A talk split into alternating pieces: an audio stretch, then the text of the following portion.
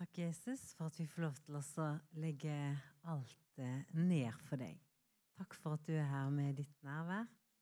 Vi opphøyer deg, og vi tilber deg. Amen.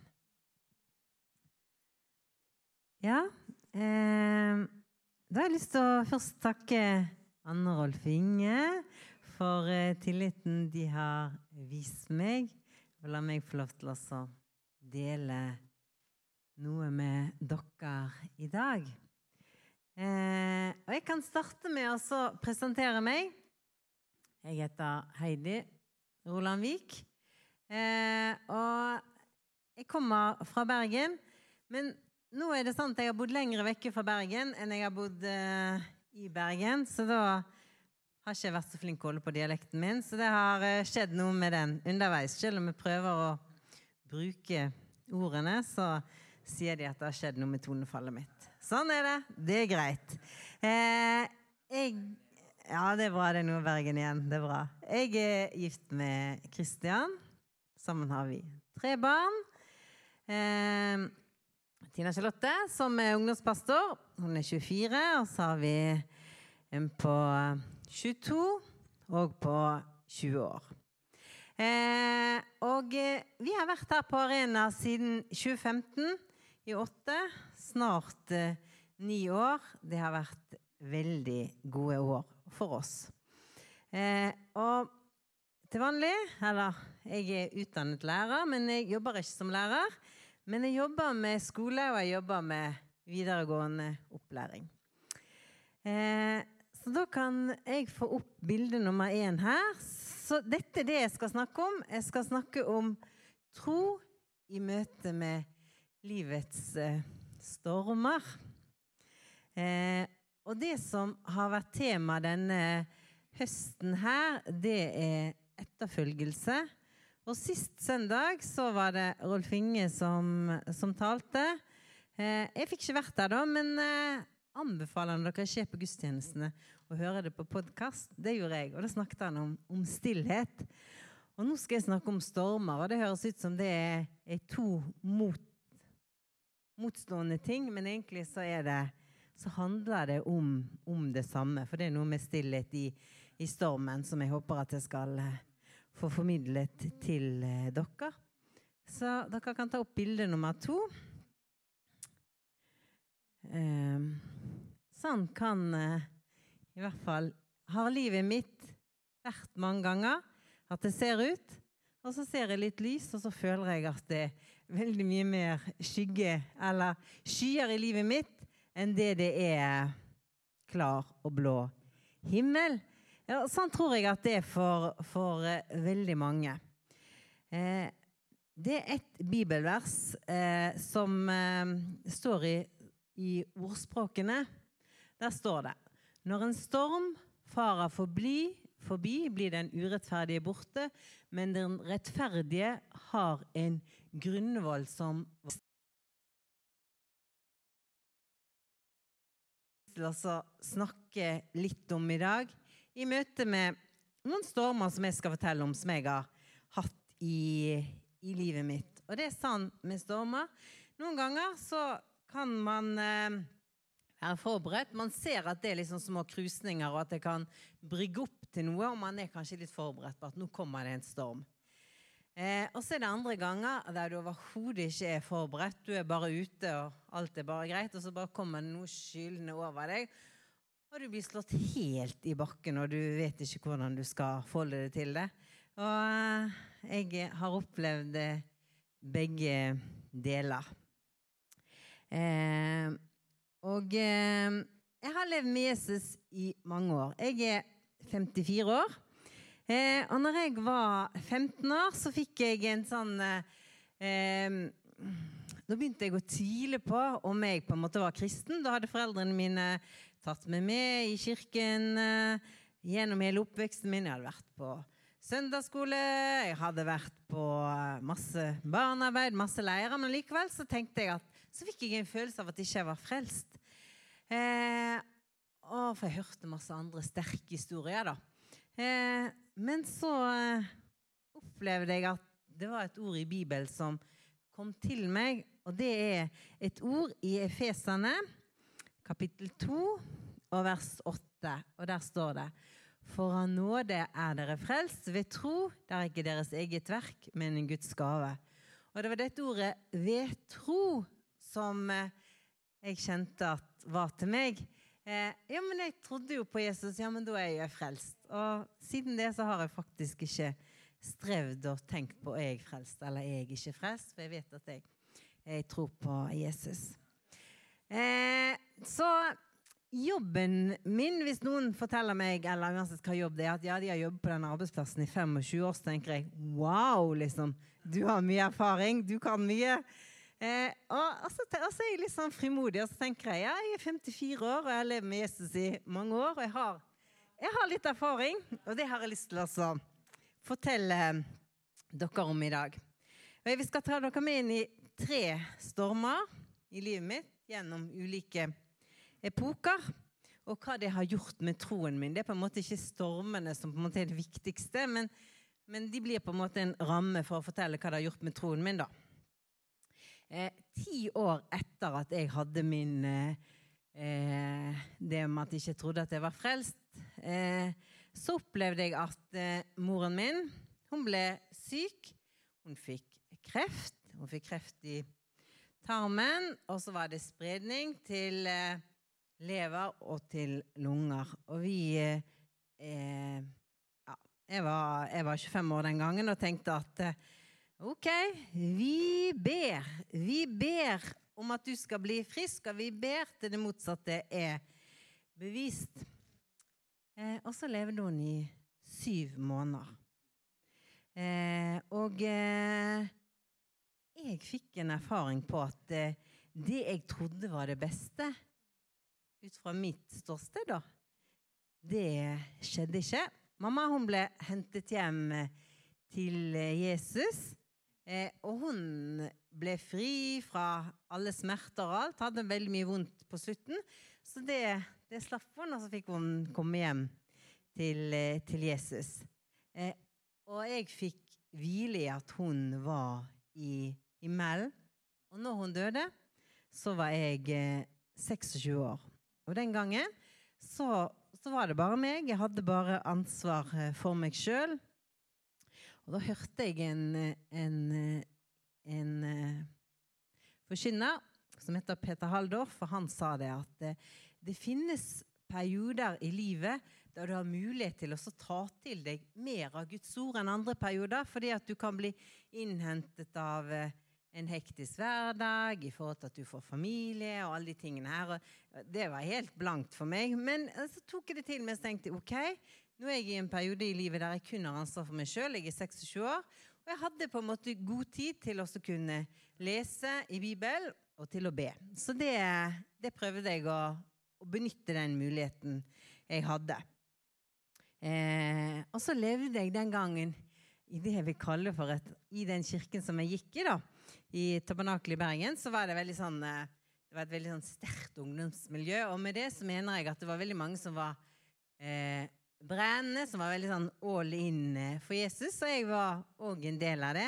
Så jeg hadde veldig mange sterke folk rundt meg. Vi ba mye sammen. Vi leste Bibel sammen, og vi delte troen vår. Så det var på en måte en veldig sånn styrke da når jeg opplevde å miste moren min eh, altfor tidlig. Eh, så når jeg ser tilbake, så tenker jeg at det at hun døde, det påvirket ikke troen min eh, direkte. Eh, eller det påvirket ikke relasjonen min eh, med Jesus. Eh, for jeg opplevde at Jesus han var den samme, og jeg fant hvile i at han på en måte hadde kontroll, selv om jeg på en måte var ikke fornøyd med at hun på en måte ikke levde, da. Eh, og så er det sånn at eh, selv om eh, noen er død, så, så, vil man jo resten av livet kjenne på et savn. Og, og spesielt eh, for oss kvinner, det å få barn. Vi har fått tre barn, og jeg har på en måte ikke hatt en mamma å kunne, kunne dele det med. Så, så, for hver gang som det kom, kom, et barn, så på en måte kjente du på den smerten. Men det er jo ingen eh, Eller savn, da. Men det er jo ikke noe som ikke er til å leve med. For jeg opplevde jo at Jesus han var nær meg, og han var sammen med meg i det. Så gikk livet videre.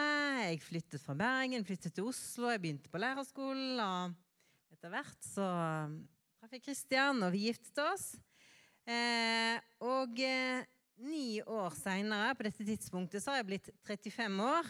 Eh, og da er jeg jo da gift, og vi har tre barn. Den gangen så var de ett, tre og fem år. Og vi hadde en hektisk småbarnstilværelse. Vi hadde akkurat flyttet hit. Vi hadde bodd her i et år ca. Og var liksom ikke helt funnet oss til rette med menighet. Vi var liksom litt sånn på leit. Ting var litt sånn urolig rundt oss. Eh, jeg var i permisjon enda, eh, og hadde ingen jobb å gå tilbake til fordi jeg hadde hatt et sånt vikariat. Eh, så jeg var jobbsøker, og så var jeg deltidsstudent, for jeg hadde begynt på en, på en master. Og Kristian han drev da og pendlet frem og tilbake til Oslo. Jeg var mye her sammen med de tre barna våre, da. Eh, og så skjer det.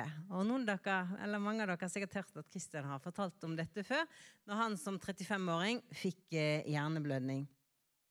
Eh, og vi var usikre på hvordan eh, det ville gå, om han ville overleve. Eh, og i forhold til kristenlivet mitt så var ikke jeg så tett på denne gangen, altså vi er nå ni år etter, som det jeg var tidligere. Eh, jeg eh, var tatt av en litt hektisk hverdag. Livet mitt så ganske så annerledes ut enn da jeg var 26 år og det bare var meg. Og så var jeg ikke påpasselig nok med å daglig ta til meg av eh, å lese Bibelen. Det kunne gå lang tid mellom hver gang som jeg eh, leste i Bibelen. Eh, men i oppveksten min så hadde jeg jo hørt mye Guds ord, altså hørt mye av det som står i, i Bibelen. Og jeg, hadde, og jeg hadde jo lest det mye sjøl. Eh, så jeg hadde mye Guds ord i meg, da, uten kanskje egentlig å være bevisst på det. da. Eh, så når Kristian eh, ble syk, så, eh, så kom det et av de bibelordene da, som du på en måte som du på en måte har hørt opp igjennom. da.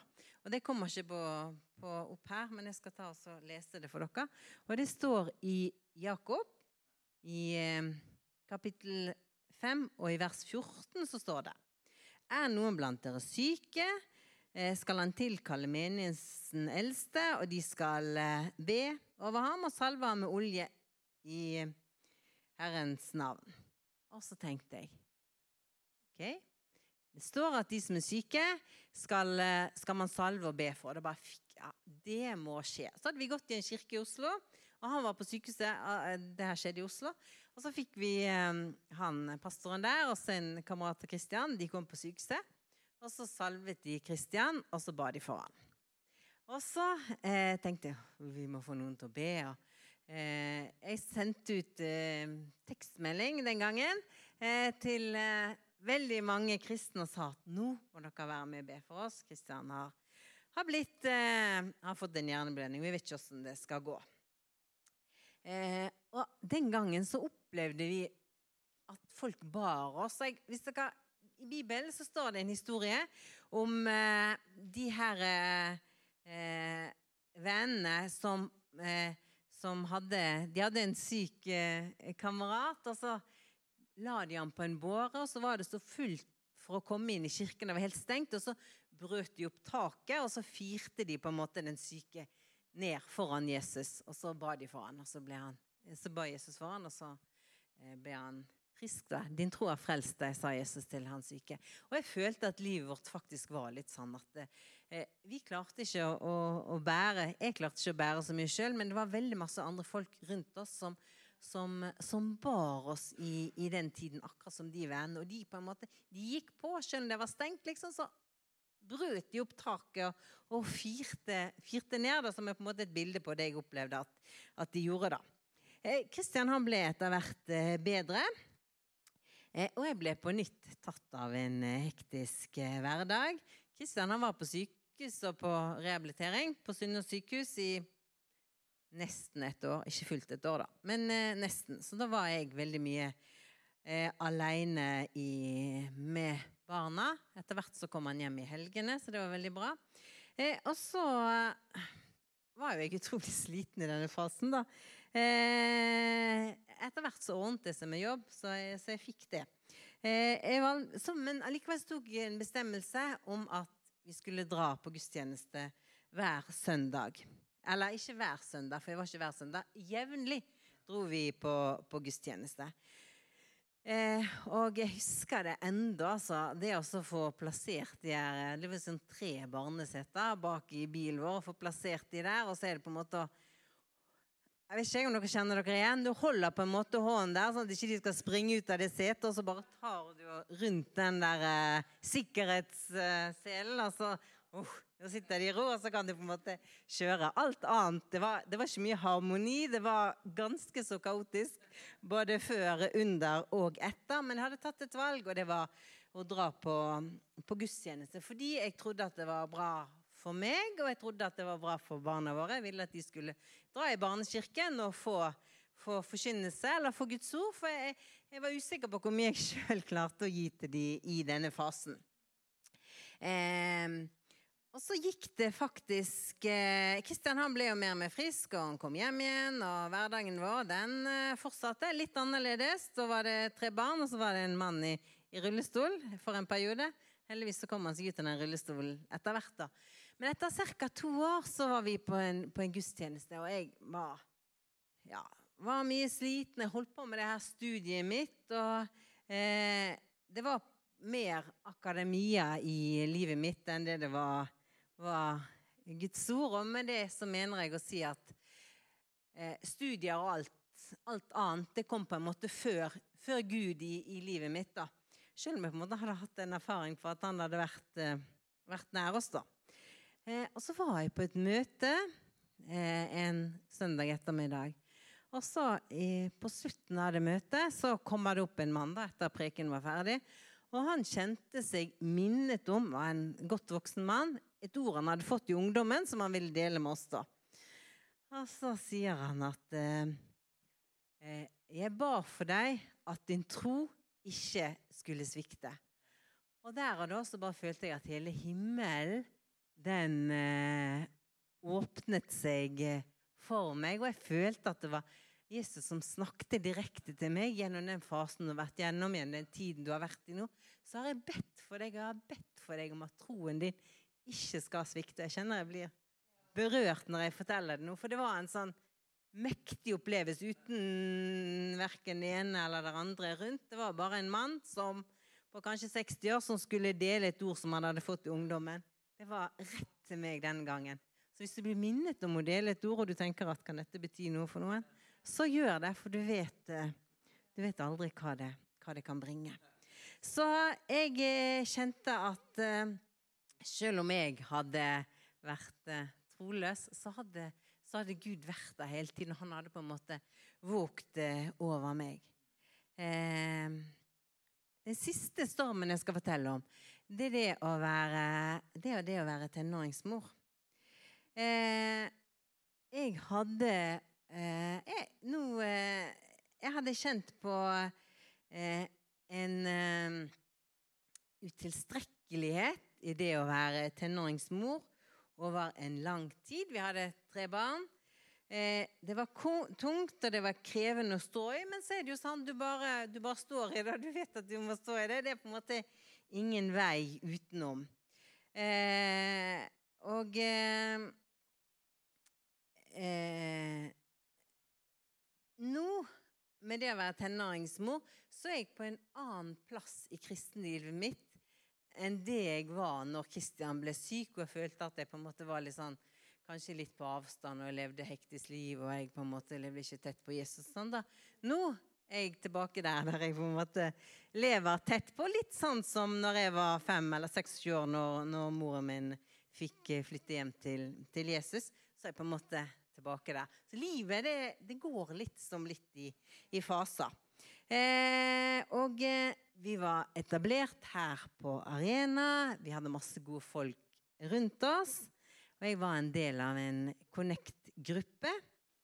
Eh, så eh, det var masse gode ting, men allikevel så kjente jeg på at det var fryktelig utfordrende å være mor i, til, til, tenåringer. Eh, og så eh, eh, sa jeg det på en Connect-gruppe at jeg tror at eh, dere må, må, be for meg i dag. Fordi at eh, jeg syns at det er så, så tungt. Eh, og mens de ba, så hører jeg Guds stemme. Og det var altså jeg fikk en veldig sånn klar tanke i hodet mitt som jeg tror at uh, var fra Gud. Som han der Når de ber, da, de her fantastiske damene som jeg er så, så veldig glad i, så hører jeg Så får jeg en tanke i hodet, og jeg sier at det, det er Gud som, som snakket til meg. Så kommer denne stemmen her. Jeg har satt deg til å være tenåringsmor for en tid som dette. Wow, liksom. Jeg følte Å, takk for en anerkjennelse, da. Da visste jeg at OK, Gud, du har satt meg her fordi at jeg skal få lov til å eh, være en god mor i denne spesielle tiden for disse tre fantastiske barna som, som du har, har, gitt oss. Jeg husker jeg følte nesten at jeg svevde hjem den kvelden. Jeg bare følte at Gud, du har møtt meg. Eh, og så har det vært mange tøffe kamper etter det her. Men eh, Herren, han har eh, vært eh, med meg. Eh, og eh, den anerkjennelsen som han på en måte ga meg, da, den var med og så bar meg i, i det som, som, I de stormene som vi opplevde at var der, da. Eller jeg opplevde, da. Gud var sammen med meg. Eh, og nå kan jeg si at nå har jeg gått av vakt. Jeg har gått av den vakten som heter å være tenåringsmor. Nå er barna våre 20, 22 eh, og 24. Og det, det, kjennes godt å ha gått av vakt. Eh, men eh, nå er barnet bare i ferd med å bli voksen, og når man er foreldre, så er man foreldre hele livet. Og det er masse andre nye spennende ting som, som dukker opp. Eh, men eh, jeg har bare lyst til å si til dere altså Uansett hva fase du er, om du har små barn, så er det krevende, eller liksom midt på, eller tweens, eller, eller tenåringsforeldre, som er det jeg har omtalt som en av mine stormer, eh, så har jeg lyst til å si til deg at ikke mist motet. Eh, Herren han har utvalgt akkurat deg, eller han har utvalgt dere til å være foreldre for eh, deres barn. Og det har jeg bare lyst til å si, det må dere ikke tenke smått om. Eh, I Matteus i eh, kapittel 7 så står det at hver den som hører disse mine ord og gjør det de sier, han ligner en klok mann som bygde huset sitt på fjell.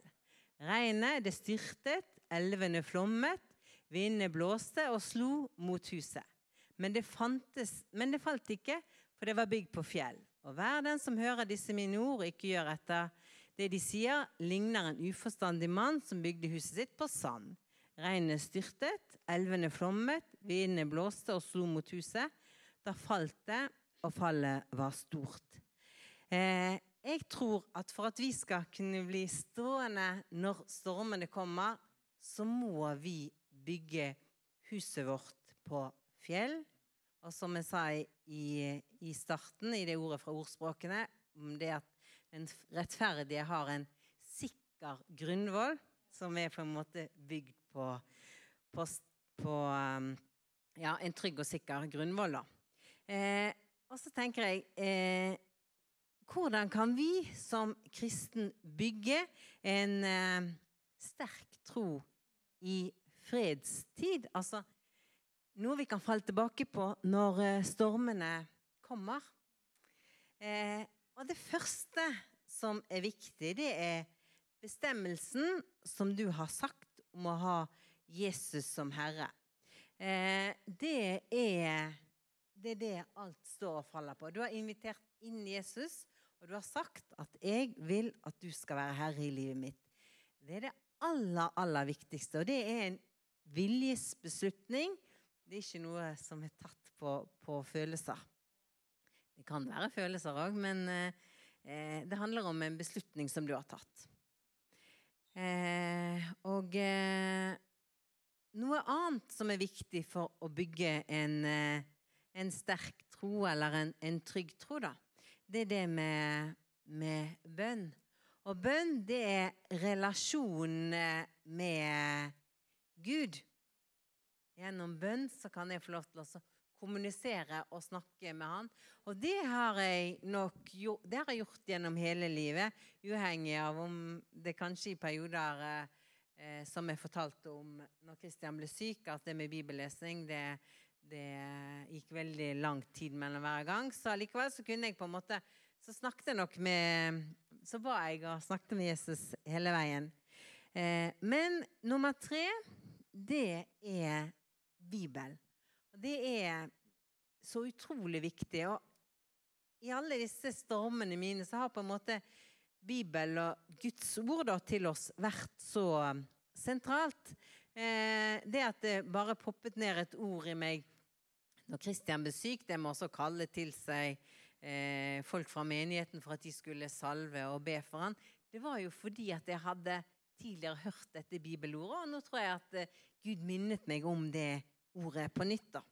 Så eh, memorer, altså pugg bibelordet utenat. Plutselig så trenger du det en dag, og da bare, bare kommer det til deg.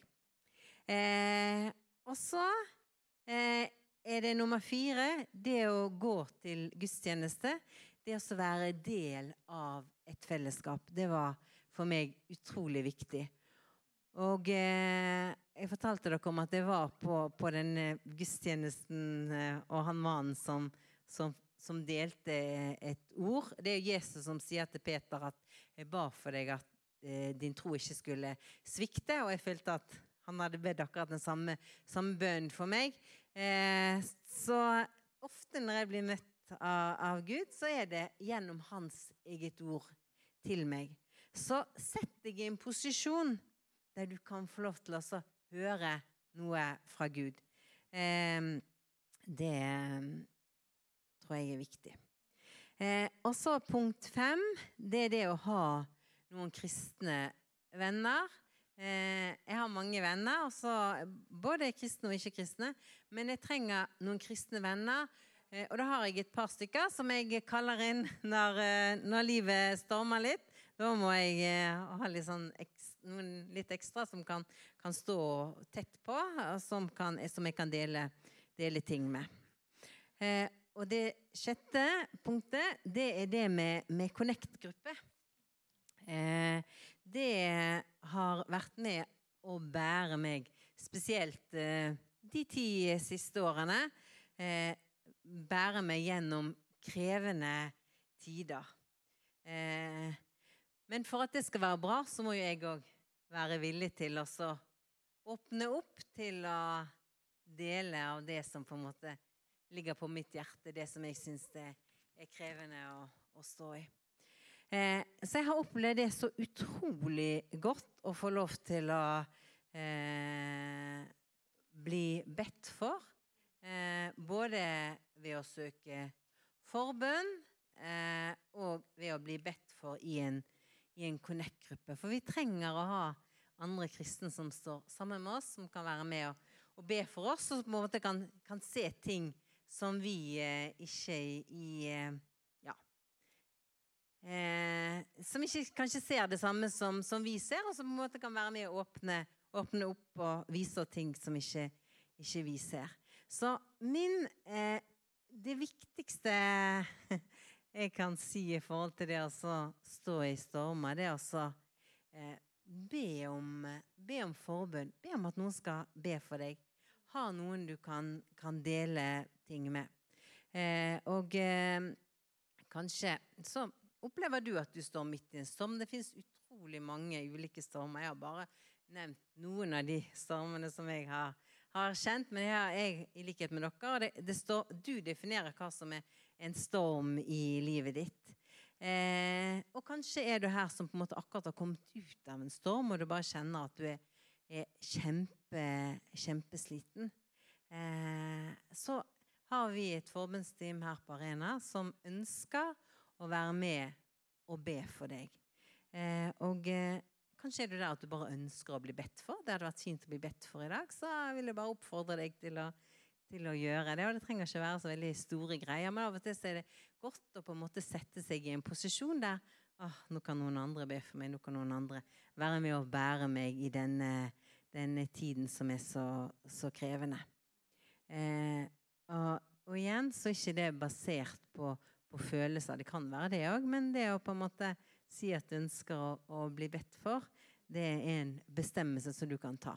Og så har vi òg salveolje. Det har vi på, på, alle møter. Sånn som Kristiansson ble salvet når han var, var syk, så ønsker vi òg å få lov til å være med og salve hvis noen ønsker å, bli salvet eh, på gudstjenesten i dag. Eh, så det, da har jeg egentlig lyst til å gå inn for landing og oppfordre dere til å til å søke Gud i de stormene som, som er. Vær forberedt. Stormene kommer, men du kan få lov til å komme styrket ut av, av, eh, av stormene. Så da vil jeg ønske dere en velsignet dag videre.